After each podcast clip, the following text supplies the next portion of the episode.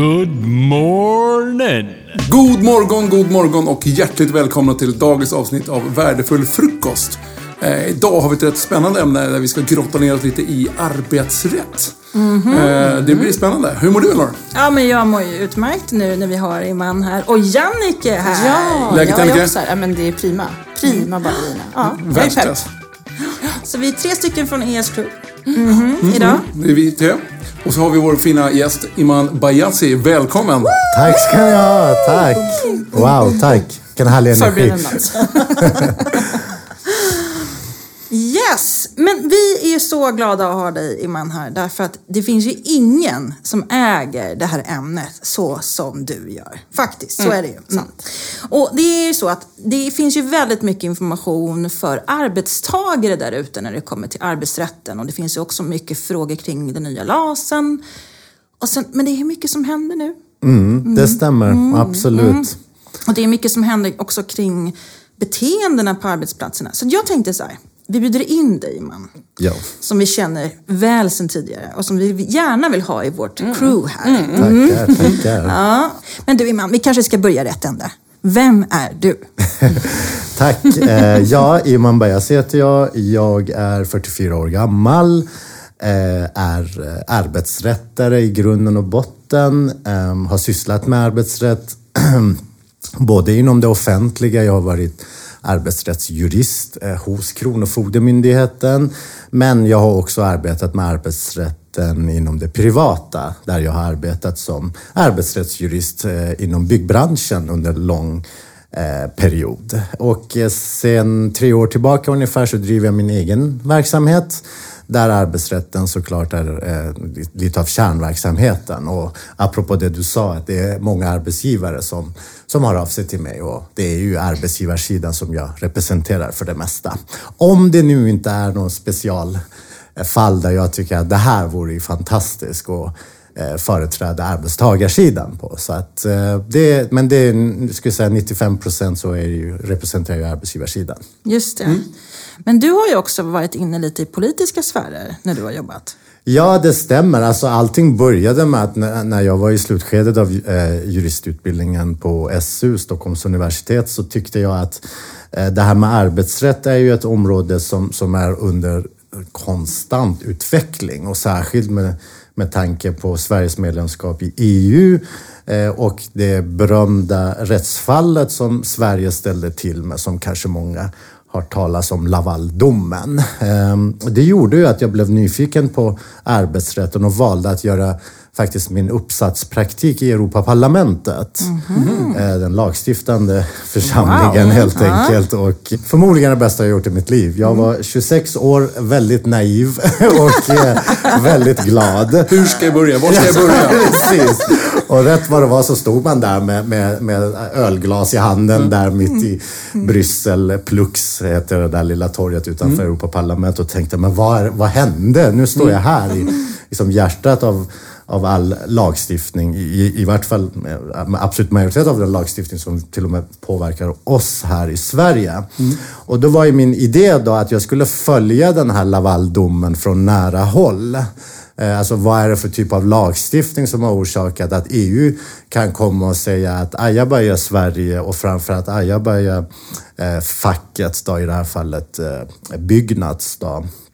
Ni har gjort fel. Det ni gjorde var i strid med EU-rätten. Och då tänkte jag, men gud, det här är ju hur spännande som helst. Så jag, jag började ju skriva uppsatsen samtidigt som jag praktiserade där. Och därefter var det en kombination av eh, väldigt mycket tur och kanske lite skicklighet som gjorde att jag också blev fast anställd där. Eh, Så jag jobbade ju som eh, rådgivare till en svensk eh, EU-parlamentariker mellan 2006 och 2010 ungefär. Så ja, jag har varit i korridorerna som det heter. Men, men, men om man ska ha lite time för confession. Finns det vissa saker som du kanske gav som råd som du idag hade gjort annorlunda? Eh, ja, det gör det alltid. Alltså, Det är klart, så är det. Absolut. Säg vad du vill, vi klipper klipper bort. Vi kan väl ta det på de där berömda AW'na ni brukar ha. Ja, spännande. Men nu idag så driver du eget. Ja. ja och, och dina klienter, vad består de är arbetsgivare främst då? Ja, precis. Det är eh, som sagt nästan uteslutande arbetsgivare. Eh, sen är det ju att, eh, jag menar, är man som det heter civilrättare i grunden, det vill säga att man sysslar med avtalsrätt och man ska komma ihåg att arbetsrätt är ju en betydande del av det som kallas för affärsjuridiken. Nästan samtliga affärsjuridiska byråer i Sverige, både de stora och små, har ju liksom någon form av spetskompetens inom arbetsrätten. Eh, Så att det är ju företag i första hand och juridiska personer och väldigt många från byggbranschen faktiskt. Eh, Jag kommer ihåg, jag hade en, en professor när jag pluggade på juristlinjen som brukade säga att man får inte kalla sig arbetsrättare förrän man har gett sig in på byggbranschen. För där är det verkligen, från dag till annan så är det ju arbetsrätten som, som finns överallt och det känns faktiskt. Så, Man styr vardagen liksom rätt mycket i, i den branschen kan jag gissa. Jämfört med att man kanske inte tänker på det lika mycket i andra branscher. Liksom. Ja men precis, Eh, så är det ju. Och det, byggbranschen är ju så att säga, den, den är ju lite dysfunktionell på så sätt att man har inte alltid en arbetsledare som står där på golvet och kan se vad som pågår till skillnad mot kanske företag inom tjänstesektorn där ja, men man kommer och man ser att alla är glada och någon är kanske mindre glad och så vidare. Man har ju som en mer direkt arbetsledningssätt inom tjänstesektorn än vad man har inom byggsektorn. Byggsektorn kan det vara att du har 50 olika arbetstagare på 10 olika byggarbetsplatser i hela Stockholm. Och då är det ju inte liksom hands-on på samma sätt. Just det. Just det. Men du, du sa någonting intressant där. Att arbetstagarens rättigheter är inte lika många, men de är, vad sa du? Arbetsgivarens Arbetsgivaren, rättigheter. precis. ja. Men de är stabila brukar jag säga. Stabila, ja. ja. eh, med risk för att låta som Dr. Alban här. Men, men, men, men de är så att säga, eh, det finns ju stabilitet som vi brukar skämta om. Och det vill säga att ja, men om man tar det här begreppet rätten att leda och fördela arbetet. Det är väldigt långtgående och lyckas man som arbetsgivare få så att säga få en känsla för vad är det eh, för rättigheter jag har när jag leder och fördelar arbete. Då brukar jag säga då har man den absoluta tryggheten. Alltså nu pratar jag faktiskt direkt ur både lagstiftningens perspektiv men också gällande domstolspraxis. Alltså jag får leda och fördela arbetet. Det, det ankommer på mig. Och, och de som är lite historiskt intresserade, där kan jag tipsa om att det finns ju ett rättsfall som heter 2929 principen. Alltså rättsfallet har blivit, och det är ju ett rättsfall från 1929, eh, väldigt länge sedan, där Arbetsdomstolen eh, slog fast att vissa saker det ankommer på arbetsgivaren och ingen annan. Det går inte att ifrågasätta det. Sen finns det ju undantag. En arbetsgivare kan till exempel inte arbetsleda Iman till att hoppa från balkongen för att mäta hur högt det är. Det är man pratar för ju om... jävligt. Ja, precis. man Där går gränsen. Det är liv och hälsa och, och sen då kanske lite om att tråkiga grejen, alltså det här med arbetsskyldigheten, hur långt sträcker den sig? Men leda och fördela brukar jag säga, det är en sån här, det, det ska man hålla hårt på som arbetsgivare. Men vad innebär, vad, vad liksom går gränsen? Ja, men du säger att ja, hoppa från en balkong, där går gränsen. Ja, ja alltså jag, man, man kan säga att egentligen är det ju två delar då, där, där, där, där arbetsledningsrätten begränsas. Det ena är ju att arbetsgivaren inte eh, får då självklart utsätta arbetstagare för fara. Eh, inte skicka dem på fjärde våningen utan hjälm till exempel. Eh, och, och nu ska du dit utan hjälm. För då förstår man ju att det här är förenat med livsfara. Eh, och det, den, eh, den andra delen det, som, som är lite mer vad ska man säga, lite krångligare. Det är ju det här med hur långt sträcker sig arbetsskyldigheten. Alltså är du anställd som receptionist säger vi. Eh, Ska du behöva dammsuga entrén också eller inte? Ingår det i din... Kan en arbetsgivare peka med hela och säga att nu, nu är det så att nu lägger du undan telefon och dator och så tar du dammsugaren och dammsuger där borta. Just där det. är det ju mer som intressant att grotta sig i. Men om det står i, i en jobbeskrivning då? Ja, självklart. Jag brukar alltid, när arbetsgivare ringer mig och säger att nu, nu är det ju någon arbetstagare som har satt sig på tvären och säger att det här går, ingår minsann inte i min arbetsskyldighet. Då brukar jag säga, men hur utformade du annonsen, brukar jag säga, om det nu finns en sådan. Vad, vad, vad, vad tänkte du när du anställde den personen då? Eh, Och det andra som jag tycker att, där är det kanske ännu viktigare, eh, vad står i anställningsavtalet? Vad är vederbörande anställd som, som det brukar heta? Och sen får man ju också faktiskt komma ihåg att vissa kollektivavtal sätter ju också gränser. Så man måste vara ganska noggrann med att, här, om man är mellanchef, säg på en kommunal eh, bolag, då är ju inte, då är kanske inte arbetsledningsrätten lika långtgående som om man hade äg- ägt bolaget själv. Så där kan det finnas, men då är det kollektivavtalet som, som sätter Men alltså gränsen. tillbaka till den här receptionisten som ska dammsuga här nu. Ja, men Ja. bara så att vi förstår. Ja. Eh, därför att eh, om det då står i arbetsbeskrivningen att som receptionist så ska du också hålla snyggt Mm. och rent i entrén. Men så tycker då den som har jobbat som receptionist att nej men det vill inte jag göra. Mm. Vad händer? Ja, men där skulle jag säga att där, där segrar ju arbetsledningsrätten faktiskt. För att en arbetsgivare ska ha möjligheten att kunna eh, eh, beordra, som det heter, det låter ju hårt, men, men det är ju, arbetsrätten har ju lite militära begrepp ibland. Alltså beordra eh, en receptionist att städa. Och, då, och, och som du är inne på, jag menar, är det till och med så att det står i beskrivningen att vederbörande också är ansvarig för att det ska se snyggt ut. Jag menar, många säger ju att receptionen det är företagets ansikte utåt.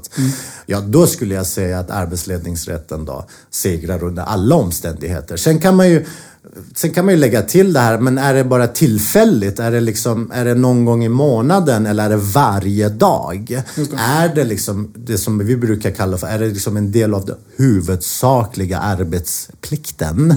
Eh, Eller inte? Och där finns det ju återigen för de som är intresserade väldigt fina uttalanden från Arbetsdomstolen 1929. Där man säger, för det handlade faktiskt lite grann om samma historia. Man gjorde en sak och så blev man beordrad någonting annat som var tillfälligt. Och det hade faktiskt med städ att göra. Och då satte sig arbetstagarna på tvären och sa att vi är minsann anställda som det här och inte det där. Men Arbetsdomstolen kom fram till det att det här är 29-29-principen. då. Eh, och 29-29 står för 1929, nummer 29, 29 Men, men det här går man fortfarande på i Ja, ja, dagens... det är ju arbetsrättens... Det är, skulle jag säga att arbetsgivare, om de har liksom... Det här är det absolut största eh, rättigheten en arbetsgivare har. Det finns ju en annan princip där vi arbetsrättare brukar kalla det för fabriken brinner. Fabriken brinner betyder ungefär så här att man står där och sen brinner fabriken, börjar fabriken brinna. Ja, vad gör en arbetsgivare då? Ja, man börjar beordra saker och ting som är jätteakuta.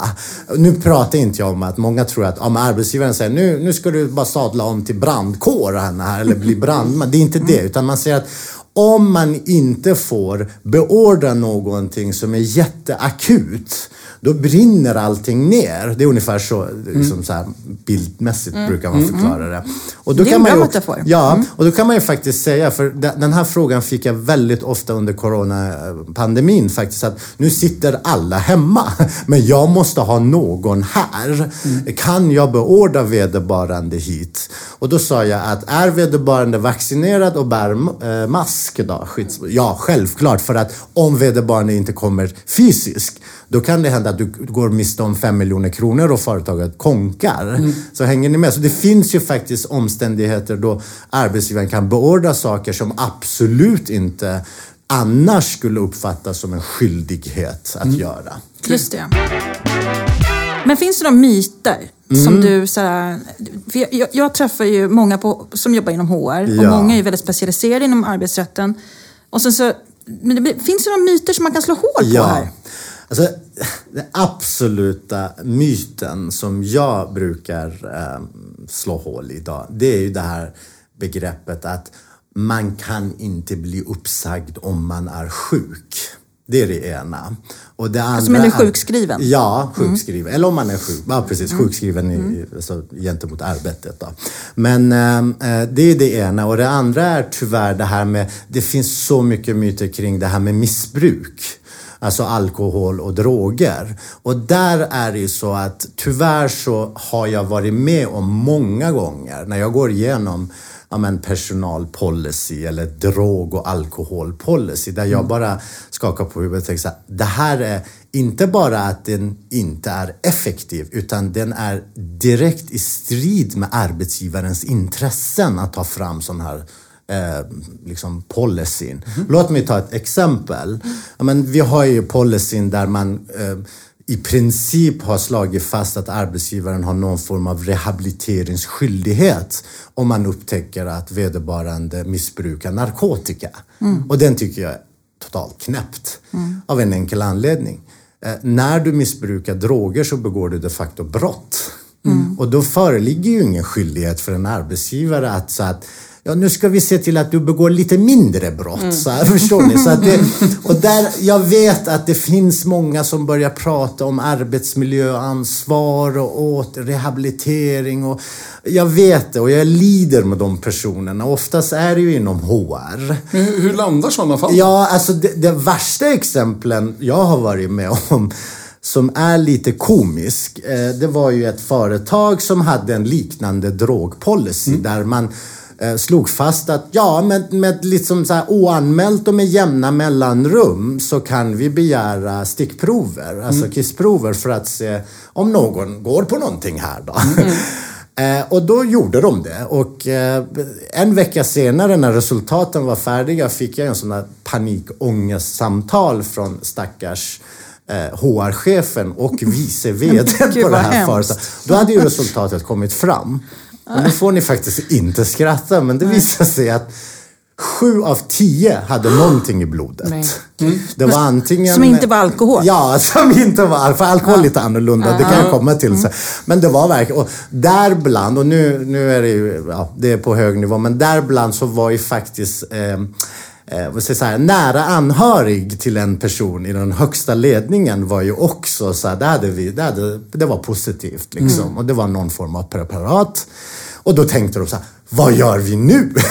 Ja. och då sa jag så här, vad tänkte ni när ni tog fram den här policyn? Ja, vad gör ni nu? Ja, äh, ska, man vara, ska man dra det hårt så kan man ju säga så här, nu är det slutknarkat på det här stället. Eller att... Nu är vi ja, tre kvar, vi Ja, precis. Exakt, nu flyger ju alla liksom. Till och med den där nära anhörig då. Nej, men vi, jag lyckades lösa det genom att bara säga att nu låtsas ni som ingenting faktiskt, tyvärr. Eh, och företagshälsovården, de, Eh, de, var ju, de kontaktade ju mig och undrade också, du vad var meningen med de här proverna som vi hade fått? Och då sa jag, ni pratar med helt fel person.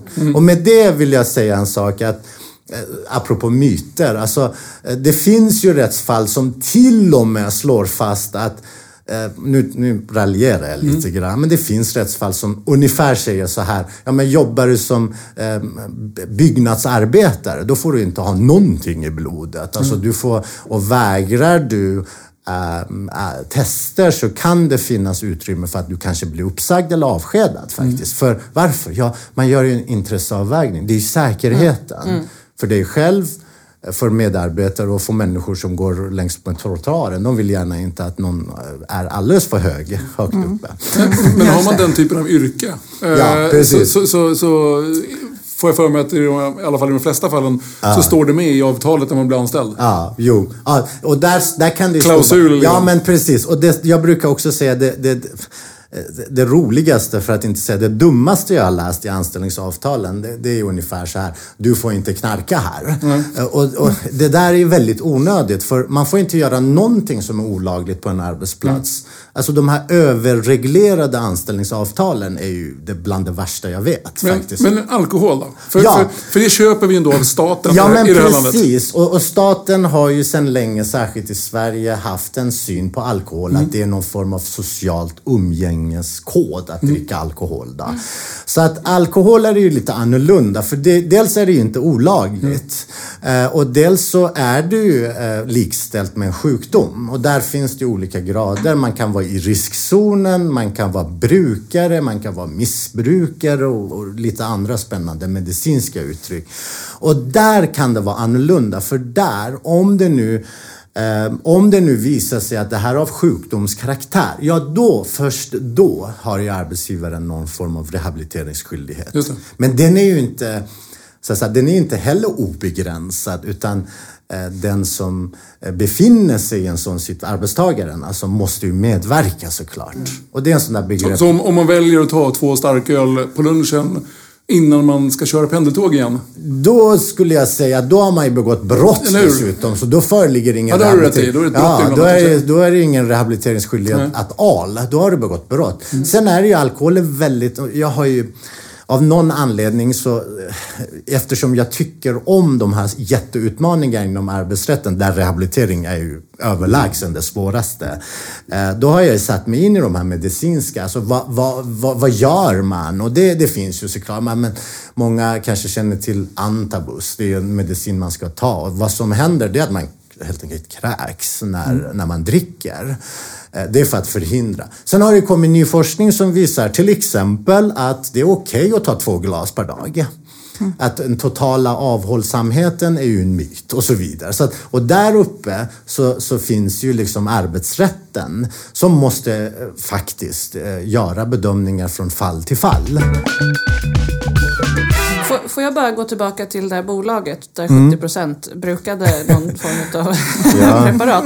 Eh, när du säger då att så här, de hamnar i den här situationen att de till och med fick backa och låtsas som ingenting. Ja. Är det för, för att de hade målat in sig ett hörn med och gjort den här eh, liksom mallen för hur de ska Mm. hantera det? Eller var det bara det att så här, oj, vi vill inte sparka sju pers för de är olagliga? Nej, Alltså, men, ja, precis. Mycket bra fråga. Alltså, det, det var ju någonting mitt emellan där. För det första så skulle de följa den här, eh, sin, sin egen så att säga eh, utfästelse eh, gällande vad, vad gör arbetsgivaren när proverna visar positivt. Så, ja, det, det hade ju kostat miljontals kronor. Men har den liksom någon juridisk grund så att de här arbetstagarna hade kunnat hänvisa till den? Ja, Så här, gud här ja. står det ja. att ni ska hjälpa mig när jag drar cola varje ja. fredag. Ja, liksom. men precis. Ja. alltså, det, det, det som jag var väldigt nervös för, det är ju det är alltså, arbetstagarna har ju en rätt att ta del av de här resultaten. Mm. Det, är- det är ju deras medicinska journal i princip. Mm. Det är likvärdigt med det. Och då var jag ju liksom så här, tänkte så här, men tänk om det finns två killar eller tjejer då som tänker, det vore väl ett gyllene tillfälle här att bli av med ja, kokainmissbruket. För arbetsgivaren har sagt att visar det sig att du är kokainmissbrukare, då har vi det här och det här och det här och det här. Och s- Ska jag vara krass så var det väl tur att ingen hörde av sig. Eh, för att skulle de höra av sig, Så måste- då, ja, då skulle jag säga att där, där har ju arbetsgivaren gått ut med någon form av utfästelse. Det. Knarka på. Upptäcker vi att du knarkar på, då hjälper vi dig. och inte knarka på. Så att det, det, det är liksom, det, det är lite dumt. Och en annan grej jag vill bara säga det här, så kan vi kanske lämna det. Men det är så här att, ja men eh, det här är lite mer överkurs då. Men eh, jag brukar skämtsamt säga det här. Då vill jag verkligen säga så här. Du får faktiskt knarka. Om det inte påverkar ditt arbete. Så långt kan man Men det säga. är olagligt att knarka. Det är olagligt att knarka, men du får knark. Det, det är klart att du får, du får inte smälla upp knarkverktygen på skrivbordet på jobbet. Det, Då begår du brott där och då. Och upptäcks det, det är en annan sak. Men säg att du har någonting i blodet och det enda du ska göra är att sitta och programmera. Ja, då, då skulle jag vilja verkligen inte riktigt våga säga så här. Du får inte knarka för att du håller på att programmera. Det måste finnas något samband, alltså orsakssamband. Att man programmerar fel. Ja, ja. eller att man kommer för sent. Eh, man går för Att man tidigt. missköter man sticker till plattan på lunchen istället för frisktimmen. eller så, här. så, så att, ja, om det finns något samband. Så, ja, arbetsrätten rymmer många historier. Så. Med sjukskrivning som du också nämnde som en Mm. myt. Att man, äh, det finns ingen... Du, får, du får sparka någon även fast den är sjukskriven. Ja. Vad, vad, är det, vad, vad handlar myten om då? Vad, är, Ja, myten handlar ju om att arbetsgivarna har någon form av oändlig eh, vårdnadsplikt över eh, sjuks, sjukskrivna anställda. Och så är det ju absolut inte. Jag har ju eh, någon egen sån där hemmasnickrad eh, metod jag brukar eh, berätta och lära ut framförallt när de bjuder in mig som föreläsare på olika HR-avdelningar. Så då, ehm, Den kallas för URA, eller URA. Och det står för utreda, rehabilitera och avsluta. Eh, och då är det någonstans eh, däremellan, ja men mellan U och R till exempel, som någonting brister. Oftast börjar det med att man inte har gjort grundligt utredning gällande arbetstagarens arbetsförmåga. Man vet inte riktigt vad man ger sig in på utan man tycker att det är bara skönt att skicka vederbörande till, till närmast vårdcentral eller närmast företagshälsovård och sen får vi se hur det blir. Eh, och sen är det ju också en allmän förvirring kring vilket ansvar har samhället, Försäkringskassan till exempel, och vilket ansvar har arbetsgivaren? Eh, Så man måste allting börja med grundligt utredning. Varför är du sjuk? Och påverkar din sjukdom din arbetsförmåga? Alltså du kan, du kan stå här och ha ont i Eh, vänstra armet här. Men du kan faktiskt eh, vara en utmärkt talare. Och det är vad ditt jobb går ut på, eller hur? Så bara du tar kanske, jag vet inte, någon smärtmedicin och så, som är laglig, eh, så kan du stå där och babbla, som jag gör. Så man, det måste finnas, men däremot kan man inte kanske förvänta sig att du snickrar liksom, med den armen. just det. Jag brukar ta knäna, knäskålarna som ett exempel. Alltså, är du golvläggare och har jätteont i knäna, ja, då ska det utredas och rehabiliteras och någon gång ska det avslutas. Eh, Men, men är du programmerare och har ont i knäna, du kan ju sitta och programmera och så vidare. Och där kan jag säga att där är Försäkringskassan betydligt hårdare, där har de hårdare regler än vad LAS har gentemot arbetsgivare till och med. Så, mm. Kommer vi in på det? Den nya LASen. Ja. Alltså, det råder väl kanske en... Eller jag vet inte vad du säger, men, men, men det råder en viss förvirring. Ja. Eh, och, och liksom eh, kring att den är ny. Ja, Är den så mycket nyare? Ja, alltså det är det på ett sätt. För det första så ska man ju komma ihåg att den den nya LASen är ju någon form av politisk överenskommelse där arbetsmarknadens parter, arbetsgivare och arbetstagarsidan fick eh, säga till om väldigt mycket. Eh, nya LASen har ju egentligen inte förändrat LAS. Alltså, det har inte blivit någon annan, eh, till exempel rehabiliteringsskyldighet, eh, än, än vad det var tidigare. LAS är fortfarande, brukar jag säga, lika hård mot arbetsgivare. Däremot finns det vissa lättnader för arbetsgivarsidan då, om vi nu ska prata om den sidan. Och det är framförallt till exempel det här med att man kan undanta personer från turordningslistan vid arbetsbrist. Säg till om det blir överkurs.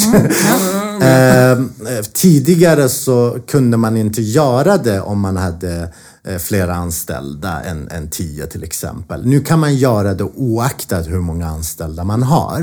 Så Vad tar är- man det på då? Jaha. Ja, precis. Och det, det är för att från arbetsgivarsidan, då, framförallt Svenskt Näringsliv, så man, man, man efterfrågade ju någon form av flexibilitet när det kommer till arbetsgivarens rätt att leda och fördela arbetet. Alltså hur många personer vill man ha kvar och vilka personer är absolut viktigast för företaget oaktat hur länge de har varit anställda.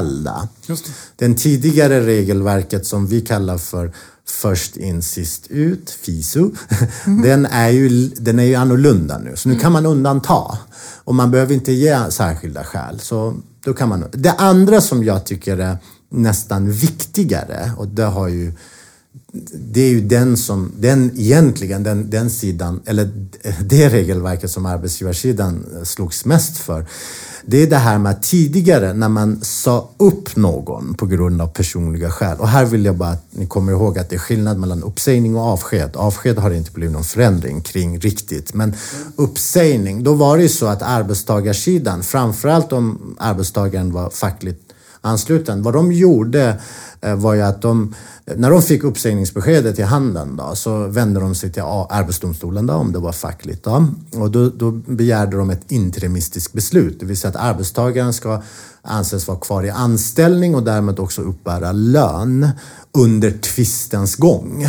Det betyder att en arbetsgivare fick faktiskt eh, skjuta ut kanske ett år, ett och ett halvt års lön innan man avgjorde frågan. Eh, den nackdelen är nu borta. Så man, eh, när man eh, blir uppsagd, då är man uppsagd. Då har man inte rätt att bära, utbära, eller bära lön. Däremot kan arbetstagarsidan vända sig till a-kassan och få a-kassa under tiden. Eh, å andra sidan så har man ju då eh, gjort så att om det visar sig att den här uppsägningen var i strid med LAS så har man eh, nästan tripplat skadeståndsnivåerna. Okej. Händer ju väldigt mycket på arbetsmarknaden just nu och eh, jag tror i alla branscher så pratar man ju mycket om AI. Och digitaliseringen har vi inte kunnat undgått, någon av oss, tror jag. Nej. Det är ju mer vanligt att ha möte på Teams till exempel än fysiskt och, och sådär. Eh, Men jag tänkte kolla lite grann med dig man. Din framtidsspaning här nu, vad har arbetsgivare för utmaningar och hur ska de ta sig an de här utmaningarna kring de här? Ja, det här är ju min dagens favoritfråga. Märkt- Nej men på riktigt, för det här är ju ett område som jag har försökt sätta mig in i ganska mycket. Som sagt, arbets, arbetsrätten är ett dynamiskt område, den utvecklas hela tiden. Eh, och apropå EU, eh, min, min gamla arbetsgivare håller på att säga, så är det så att eh, pandemin har gjort att eh, till och med eh, EU har börjat tänka efter och, och, och fundera på vad är, eller hur ser framtiden ut med, med tanke på den här totala digitaliseringen och hur snabbt det går. Och du nämner ju AI till exempel. Och ja, det här kan jag faktiskt tipsa alla lyssnare att gå in på Arbetsmiljöverkets hemsida. Eh, och där, där finns det ju något som heter EU-kampanj 2023 till 2025. Friska arbetsplatser i ett digitalt arbetsliv. Och då har ju farbror EU tänkt åt oss lite grann, på gott och ont. Men där, eh, där behandlar man ju väldigt mycket frågor och har för avsikt att faktiskt reglera en del av, av arbets, den interna arbetsmarknaden då, inom EU. Ja, med beaktande av digitaliseringen och AI. Och jag personligen är väldigt nyfiken på en av frågorna och det är det här med vad får man göra eh, som arbetstagare ifall det finns ett AI-alternativ till ens egna arbetsuppgifter. Eh, låt oss säga en sak, du är programmerare.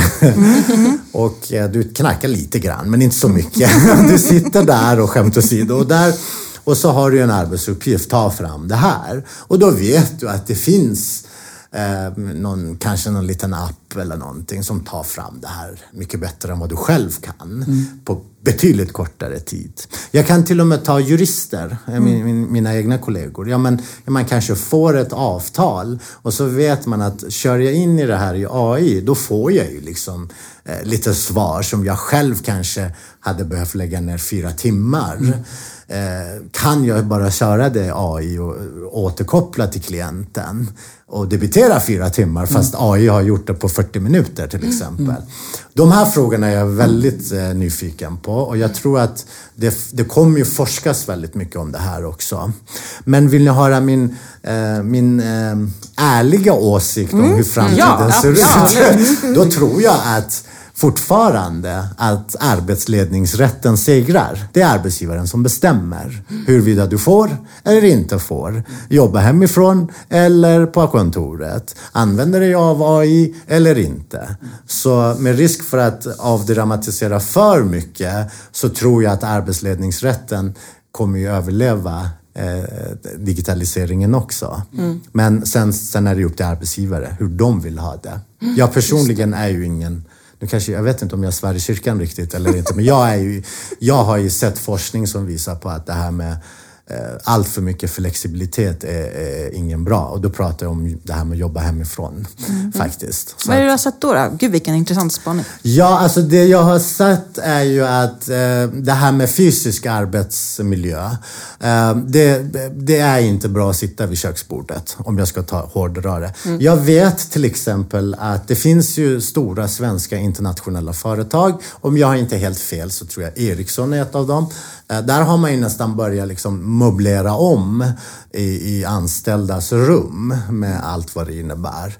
Och där, eh, all ära åt Ericsson och de har ju Alltså hemma hos folk? Ja, precis. ja, okej. De till och med upphandlar möbler och allt möjligt. Eh, Nu vet jag inte riktigt exakt på vilken nivå det här är, men jag har hört det. Jag har vänner och bekanta som jobbar på Ericsson. Eh, och då, ehm, då, då, då är det ju så att, ja, alltså om, om vi försöker problematisera det här. Alltså, vem styr över eh, om någonting händer i hemmet? Som, att- om du skär dig, om du tänker att nu är det perfekt tillfälle att hacka lite lök på arbetstid. Om stolen som arbetsgivaren har inhandlat visar sig vara direkt skadlig för din rygg. Det är mycket arbetsmiljöfrågor faktiskt. Det finns ju också, det är någon sån här bild som cirkulerar på Instagram. Jag vet inte hur vetenskapligt lagd den är, men det finns ju så att hur, hur skulle kroppen se ut efter fem års hemarbete? Och då kan man ju nästan se en människa som nästan går emot evolutionen. Alltså man, man börjar bli liksom, man får krokrygg och fingrarna blir spetsigare och så vidare. Så att jag, jag, är inte, jag är ingen fan av det och de som inte är det är välkomna av sig Men då tänker jag så här, men man, om, om man nu har en... eh, eh, För egentligen det arbetsgivaren har gjort är att man simulerar en, en liknande arbetsplats som man faktiskt har på arbetet. Mm. Det är ju det man, man ser till att ge arbetstagaren. Eh, då, då kroknar man väl också, även, oavsett var man sitter någonstans, hemma eller på jobbet, sitter man ju fortfarande ner om det är ett sånt jobb man har. Ja, och då, då, då är frågan varför man ska göra att... var- Varför, var, vad är syftet med att inreda hemmet som, så ex, exakt som arbetsplatsen? Vad är problematiken? Är det långa sträckan mellan hemmet och arbetsplatsen? Är det något annat? Sen är det ju en annan sak som jag gärna ser mer forskning kring. Det är det här, det här sociala utbytet du får på arbetsplatsen. Jag vet att eh, eh, det finns mycket forskning som visar på att, eh, ja men eh, om vi tar Googles exempel, att alla, alla möten över 15 minuter är bara onödiga möten och så vidare och man får ha max antal möten och så. Men jag tänker mycket på det här med, ja men vid kaffemaskinen, runt fruktbordet. Alltså när man, när man snabbt behöver stämma av någonting. Det är faktiskt eh, betydligt bättre och enklare och man undviker eh, kommunikationsmissar när man ses öga mot öga fysiskt. Eh, IRL som man kallar det. Liksom. Så att, jag, jag, som sagt, jag, jag vill inte vara alltför självsäker på det jag säger, men min känsla är att eh, distansarbete eh, är inte riktigt framtiden så som man tror faktiskt. Om det nu inte kommer någon ny pandemi som gör att man är tvungen att vara hemma. Jag, jag- tänkte på det i början faktiskt, den första grejen du nämnde med, med tjänstesektorn. Eh, skillnaden mot kanske byggledaren eller projektledaren. Som eh, inte träffar eh, de anställda så ofta för att han springer runt massa olika byggen. Eh, Men byggena funkar, men man kanske inte hinner snappa upp hur grabbarna skulle jag säga, men det kan ju vara kvinnor också såklart. Eh, Men hur arbetarna mår. Eh, Och, och så står det så här, men eh, jobbar man i tjänstesektorn eller Ja. sitter på kontor, då, då träffas man ju mer. Ja, men Ja. nu gör vi ju inte det längre. Nej. Eh, Hur är det när du bara träffar dina kollegor via Teams? Eller Precis. någon annan sådan liknande Ja. tjänst? Precis. Och sen så trycker man på stänga av mötet Ja. och sätter sig och gråter Ja. som anställd för att man mår skit när man är hemma. Ja. Men Det, precis. den är inte så lätt att snappa upp Nej som men absolut alla gånger inte. Nej. Och jag, har fått, jag fick väldigt mycket frågor under pandemin. Så här, hur, vad gör vi? Alltså vi vet ju inte hur vederbörande mår. Mm. Eh, för vi har ju, alltså det här är ju ganska mänskligt att man slår på Teams Mm. och så vet man att nu måste jag, liksom, mitt bästa ska synas nu. Mm. Hur jag pratar, hur jag ser ut. Eh, Jag kanske har kostym på överdelen och shorts underdelen men jag vill ju ge liksom någon form av bild av mig själv. För det där ska jag minsann bara stå ut med i 45 minuter. Men sen, så fort jag stänger igen datorn så sitter jag och gråter för att eh, Ja men arbetsbelastningen är enorm och jag kan inte utforma det i någon mail. Och jag kan inte ringa chefen för då blir det bara missförstånd och jag ringer alltid fel också. Det är det jag menar att det, det här mänskliga, det försvinner ju tyvärr och det går inte att göra något åt det. Och där, eh, utan att bli långrandig, där undrar jag hur, eh, hur de fackliga ser på det här. För jag känner att de är lite vilsna just nu. Å ena sidan, eh, Unionen vet jag har en sån där fantastisk eh, reklam just nu. Den är väldigt irriterande men den är fantastisk. Det, det är bara en svart skärm och så hör man att det vibrerar i en telefon. Så bzz, och så börjar Just det. skär, ja, och då tror jag man alltid att det är min egen telefon. Det är väldigt fina ljudeffekter. och då är det så här, ja, men, och, och, och, och budskapet är ungefär, har du loggat ut? Alltså, eller sitter du på stranden och så vibrerar det och du känner, det här måste jag ta. Jag vill gärna att de fackliga blir mer, mer, mer liksom tydliga i den här frågan. Jag själv är för ett absolut gränsdragning mellan, men, mellan det professionella och det privata livet. Alltså, låt mig säga det rakt ut. Jag är mer för fyra timmars arbetsvecka på plats än 40 timmars arbetsvecka eh, i hemmet. För, för du missar ju inte det sociala och du kan faktiskt vara mycket mer effektiv på arbetsplatsen. Du har mer utrustning. Om skrivmaskinen går sönder kan du ringa support och så vidare och så vidare. Så att, ja, jag ser fram emot eh, utvecklingen. Men jag är, med risk för att vara alltför konservativ i den här frågan, så, så vet jag vad jag tycker i alla fall. Intressant. Det här med att förebygga, kan man, kan man, kan man göra det som ledare? Liksom, eller som företag? Eh, jag tror att vi i Sverige, vi gillar ju att vara lagom liksom. Eh, man vill vara en skön ledare. Man vill eh, låta tyglarna vara lite sådär. Ja, men jobba hemifrån om du vill. Ja, eh, kom in och jobba helst. Men jobba hemifrån om du vill. Hur tydligt är det? Det coachande ledarskapet, att det blir för Ja, men att du eller? säger i samma mening så här, jobba hemifrån om du vill. Men vi ser helst att du är här. Ja, jag vet. Ja. What? Dubbla budskap, så att där kan man ju lite självkritiskt vara tydligare. Ja. Och säga, kör hemifrån på onsdagar. Det har vi bestämt här. Eller, Men jag tror inte sånt där kommer göra någon skillnad. nej, jag säger inte att det ska vara fyrkantigt. Eh, Jag tror att det är, den här tydligheten är viktig bara. För, för, för alla parter. Ja, alltså gränsdragningen är väldigt hårfin. Alltså om man är totalt fyrkantig och totalt oflexibel. vill ju ingen det, är, här. det är ingen som vill vara, vara en oskön gubbe liksom. Så, så är det ju.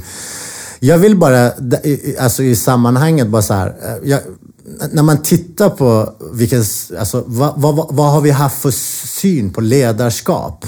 Ja, men alltså ett tag var det väldigt inne med det här med platta organisationer. Nu är det ju inte det, kan jag säga.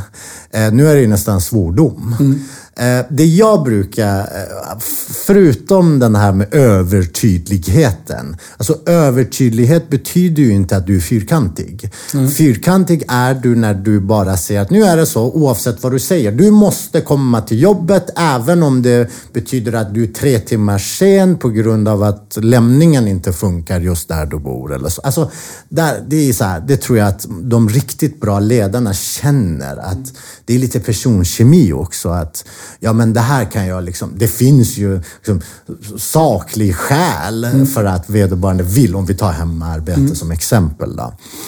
Men det finns ett annat uttryck som jag gillar. Ni vet att väldigt många negativa uttryck kan bli positiva bara man lägger begreppet positiv före. Och det, det begreppet jag brukar använda mig i de här sammanhangen, det är positiv hierarki.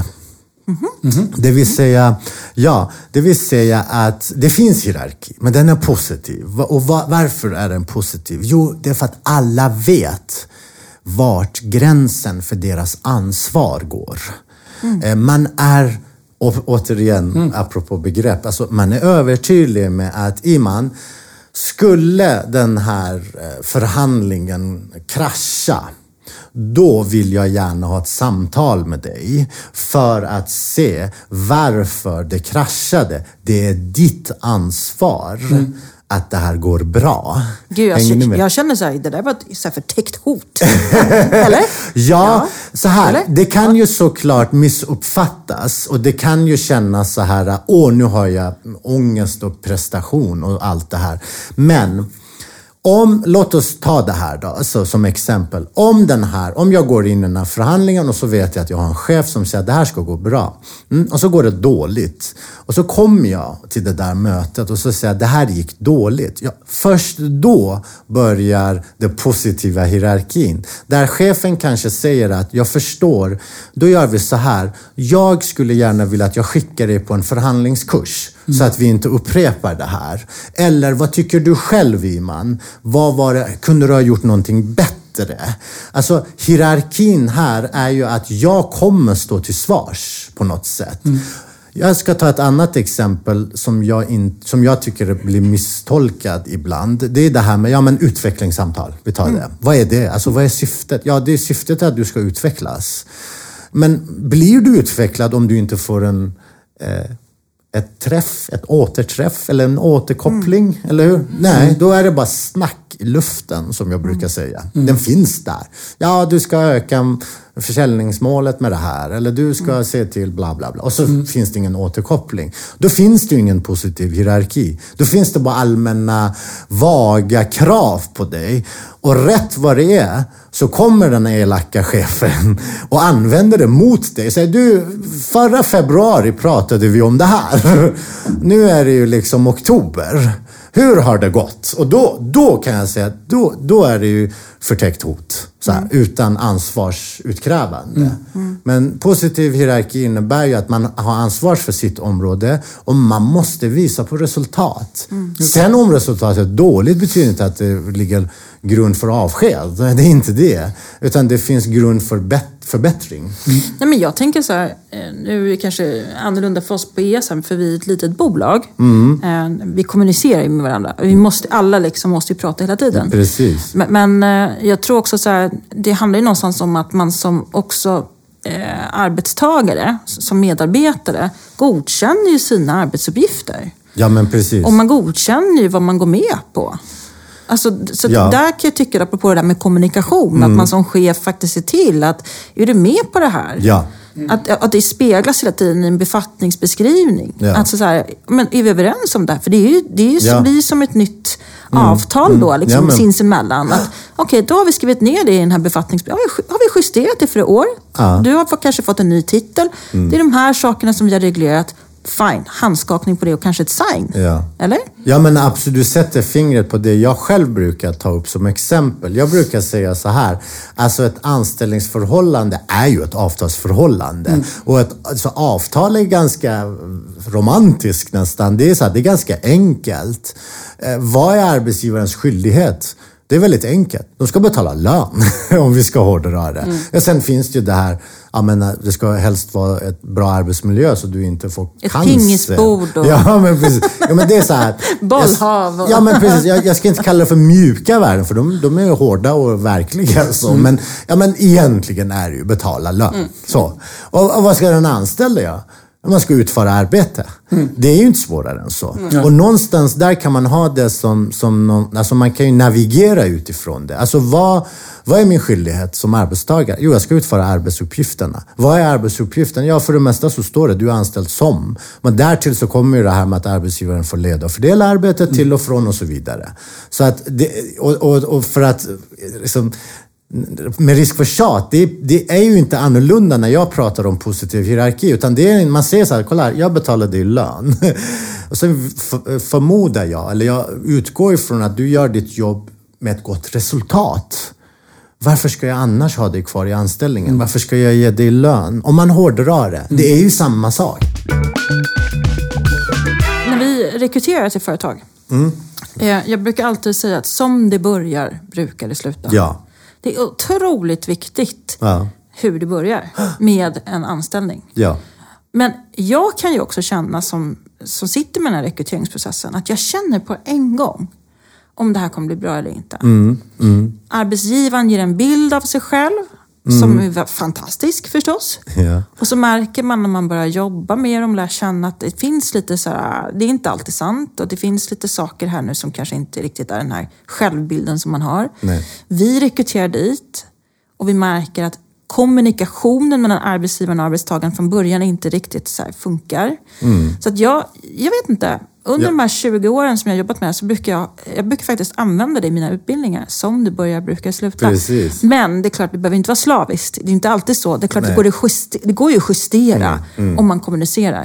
Men det slår nästan aldrig fel. Mm, nej, precis. Jag brukar, ju, jag brukar säga, det, det är inte bara arbetstagarna som kan ljuga om sitt CV. Det kan arbetsgivare göra också. Ja, Eh, så att jag brukar också, eh, apropå att vara fyrkantig, jag brukar säga precis det, det du säger säger, Elinor, brukar jag säga allting börjar med vad, vad, vad, vad annonserade du? Typ. Så här, vad ville du ha? Vad ville du ha? Var det liksom en, en som är superduktig på att administrera och göra sitt men i övrigt var totalt oförmögen vad det gäller att vara social eller säljare eller whatever. Vad ville du från början? Och där är det ju verkligen också så att man, man, man måste nästan vara övertydlig i annonseringen också. Det finns vissa, äh, de här, eh, ja men så här jobbsökarappar och sådär där man kan rekommendera, alltså man skriver vad man tycker om arbetsgivaren.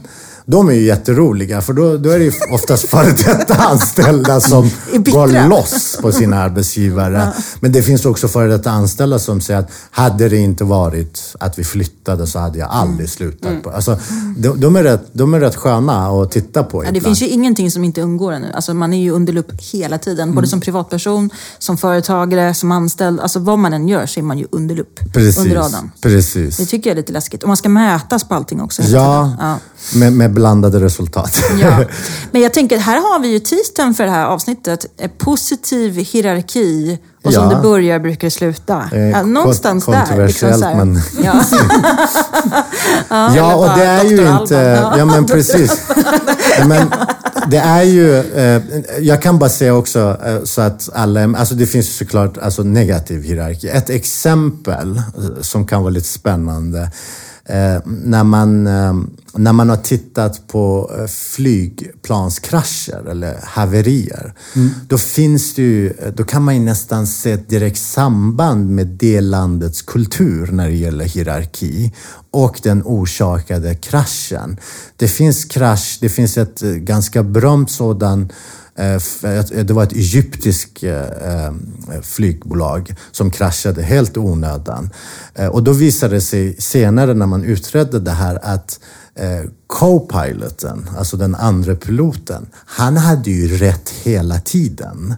Medan den riktiga piloten, en före detta stridspilot i den egyptiska armén då, eller flygvapnet. Han vägrade ju eh, liksom ens lyssna. Och det slutade med att co-piloten bara tänkte, nu dör vi. Och det blev så. För att, och så finns det andra fall, jag tror att från, från Sydkorea också, där co-piloten kommunicerar vad som är rätt med, med, med en annan. Mm. eh, medans han inte vågar säga det till co-pilot, eller till huvudpiloten som sitter bredvid honom. För att där var det åldersskillnad och tydligen så kom den piloten från en finare bakgrund och Och utbildning. då får man liksom inte ifrågasätta. Liksom, Nej, då det. frågasätter man inte. Och det är ju den, så här, i Sverige har vi en tendens att utgå ifrån att det är vad hierarki är. Det är att man vågar inte säga någonting. Så man tänker inte att ja, men hierarki kan vara positiv när alla vet vad som förväntas av dem. Jag skulle vilja då skulle jag koppla an lite grann till försvaret. Det svenska försvaret kanske man ska säga då, för jag är inte, nu är inte hundra insatt i det heller. Men där jobbar man ju väldigt mycket med liksom positioner, hierarki, vad man har för, för ansvar.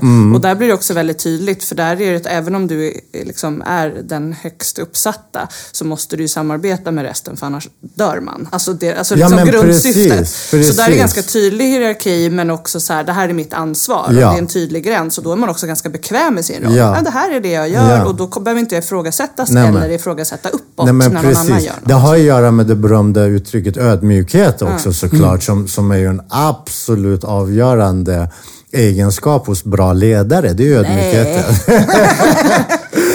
Nej, precis. Jag, jag, kan bara säga, jag kan bara säga att eh, häromdagen var jag i en tingsrätt och det var ett ganska blodigt case. Sån där case jag i vanligt fall inte brukar ta. Men jag var där. Eh, och då började ju den här, eh, det var en muntlig förberedelse. Det började med att en, en domaren, en äldre herre, 40 år som domare säkert. Han reste sig upp och så sa han så här, jag skulle gärna vilja föreslå att jag, ska, jag kommer fram och skakar hand med er. Båda parterna. Och det här var riktigt så här, vi ville ju helst strypa varandra framför domaren. eh, och då kommer han och går runt liksom. Verkligen. Och det, det var ju för sig inte jättestor rättssal. Men han kommer till liksom, där jag sitter och skakar hand, god dag, så, så. Och så sätter han sig och då säger han någonting så fantastiskt. Han säger så här att någonting i stil med att ja, ni, ni är ju väl medvetna om att det är jag som är ordföranden i den här tvisten. Men jag vill verkligen visa att det här skulle vi kunna lösa om vi bara samarbetar lite mer. Så han, du vet, han kommer ner från den där höga hästen, alltså domare, är som en, en, en av Stockholms tingsrätter. Då. Och väldigt, jag vet vem det är och jag har till och med läst artiklar av honom när jag var student. Och han kommer som till golvet. Och då var det så här, uff, vilka är vi? Alltså nu ska vi vara ödmjuka, nu ska vi lösa det här. Så. Han avdramatiserade liksom Definitivt. genom att rusta ner då den här hierarkin Ja, och det grann, kan liksom. goda ledare göra också. Man kan avdramatisera återkoppling. Man behöver inte vara rädd. Man kan säga, jag gör det här för att jag vill att du ska jobba här i hundra år till. Och, och tjäna hundra miljoner om året. Alltså ungefär så. Ja, men där, jag, där, där finns en rädsla tror jag också. Jag märker det hos våra kunder. Att Är det då den här återkopplingen eller att tillrättavisa någon tillbaka in i sin befattning. Det är framförallt med, hos medarbetare som är fackligt anslutna eller fackliga representanter. Då blir chefer spaka. Just det, just det.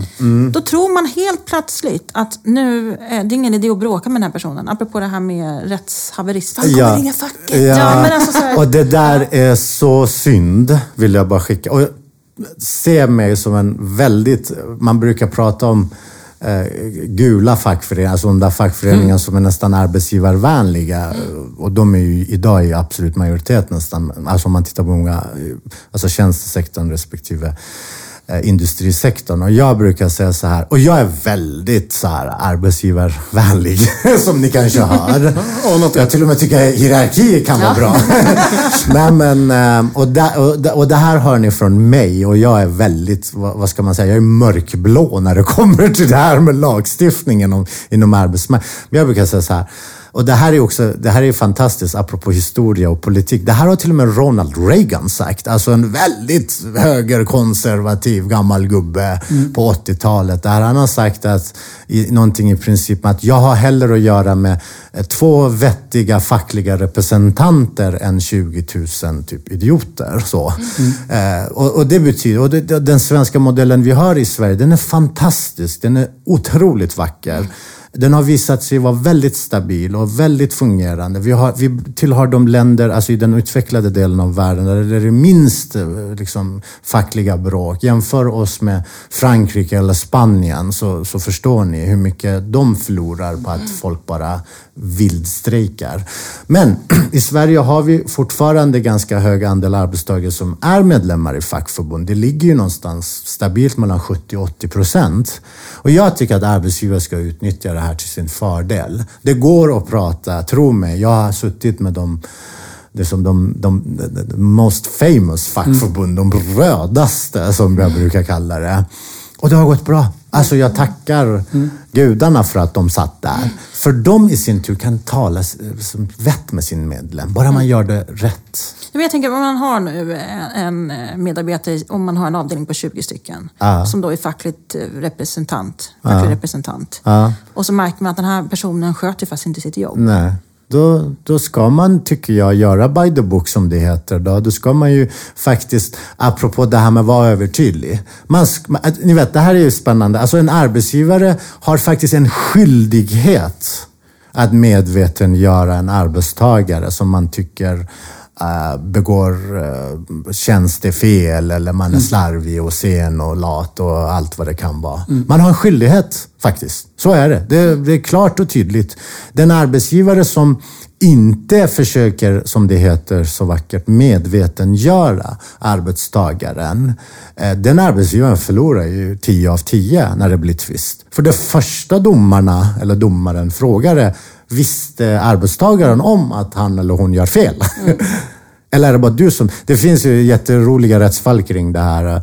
Där arbetstagare under 20 år hade fått ta hem choklad från arbetsplatsen. Och, rätt, och så helt plötsligt så by, byter man HR-chef. Det första HR-chefen gör är att avskeda alla som går hem med choklad. Utan att meddela att nu för tiden får inte ni ta med er choklad hem. stöld, Ja, liksom. precis. Och det här är, jag brukar kalla det för liksom, dålig kultur. Liksom.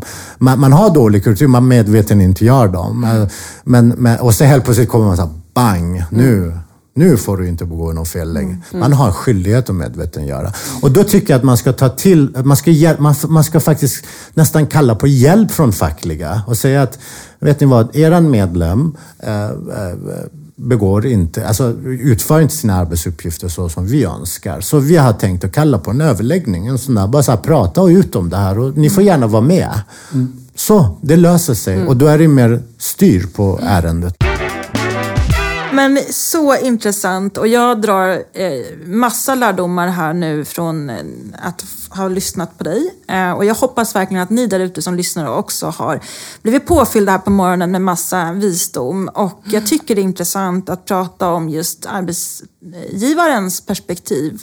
Så att man också känner sig lite medveten kring eh, vad man faktiskt kan göra för skillnad för medarbetarna där ute. Precis. Så stort tack Iman. Och jag tänker avslutningsvis, vad skulle du vilja skicka med lyssnare där ute? Jag skulle vilja att arbetsgivarna faktiskt tar reda på sina rättigheter mer. Och med risk för att vara övertydlig här då. Men, men det är ju så. Det finns väldigt många, eh, förlåt, det finns väldigt få men stabila rättigheter som jag brukar kalla dem för. Ta reda på dem och använd er av ett språk som inte är alltför juridisk, men inte heller alltför slappt till exempel. Lär er de här begreppen leda och fördela. Lär er begreppet medvetengöra och så vidare. Ta det och använd det. Ni behöver inte få liksom, sträva efter doktorshatten i arbetsrätt, men det finns enkla begrepp som gör att många förstår och hajar till. Faktiskt. Just det, annars får man ringa till dig. Ja, det får man göra. Ett stort tack Iman. Jättestort tack. snälla. Tack för idag.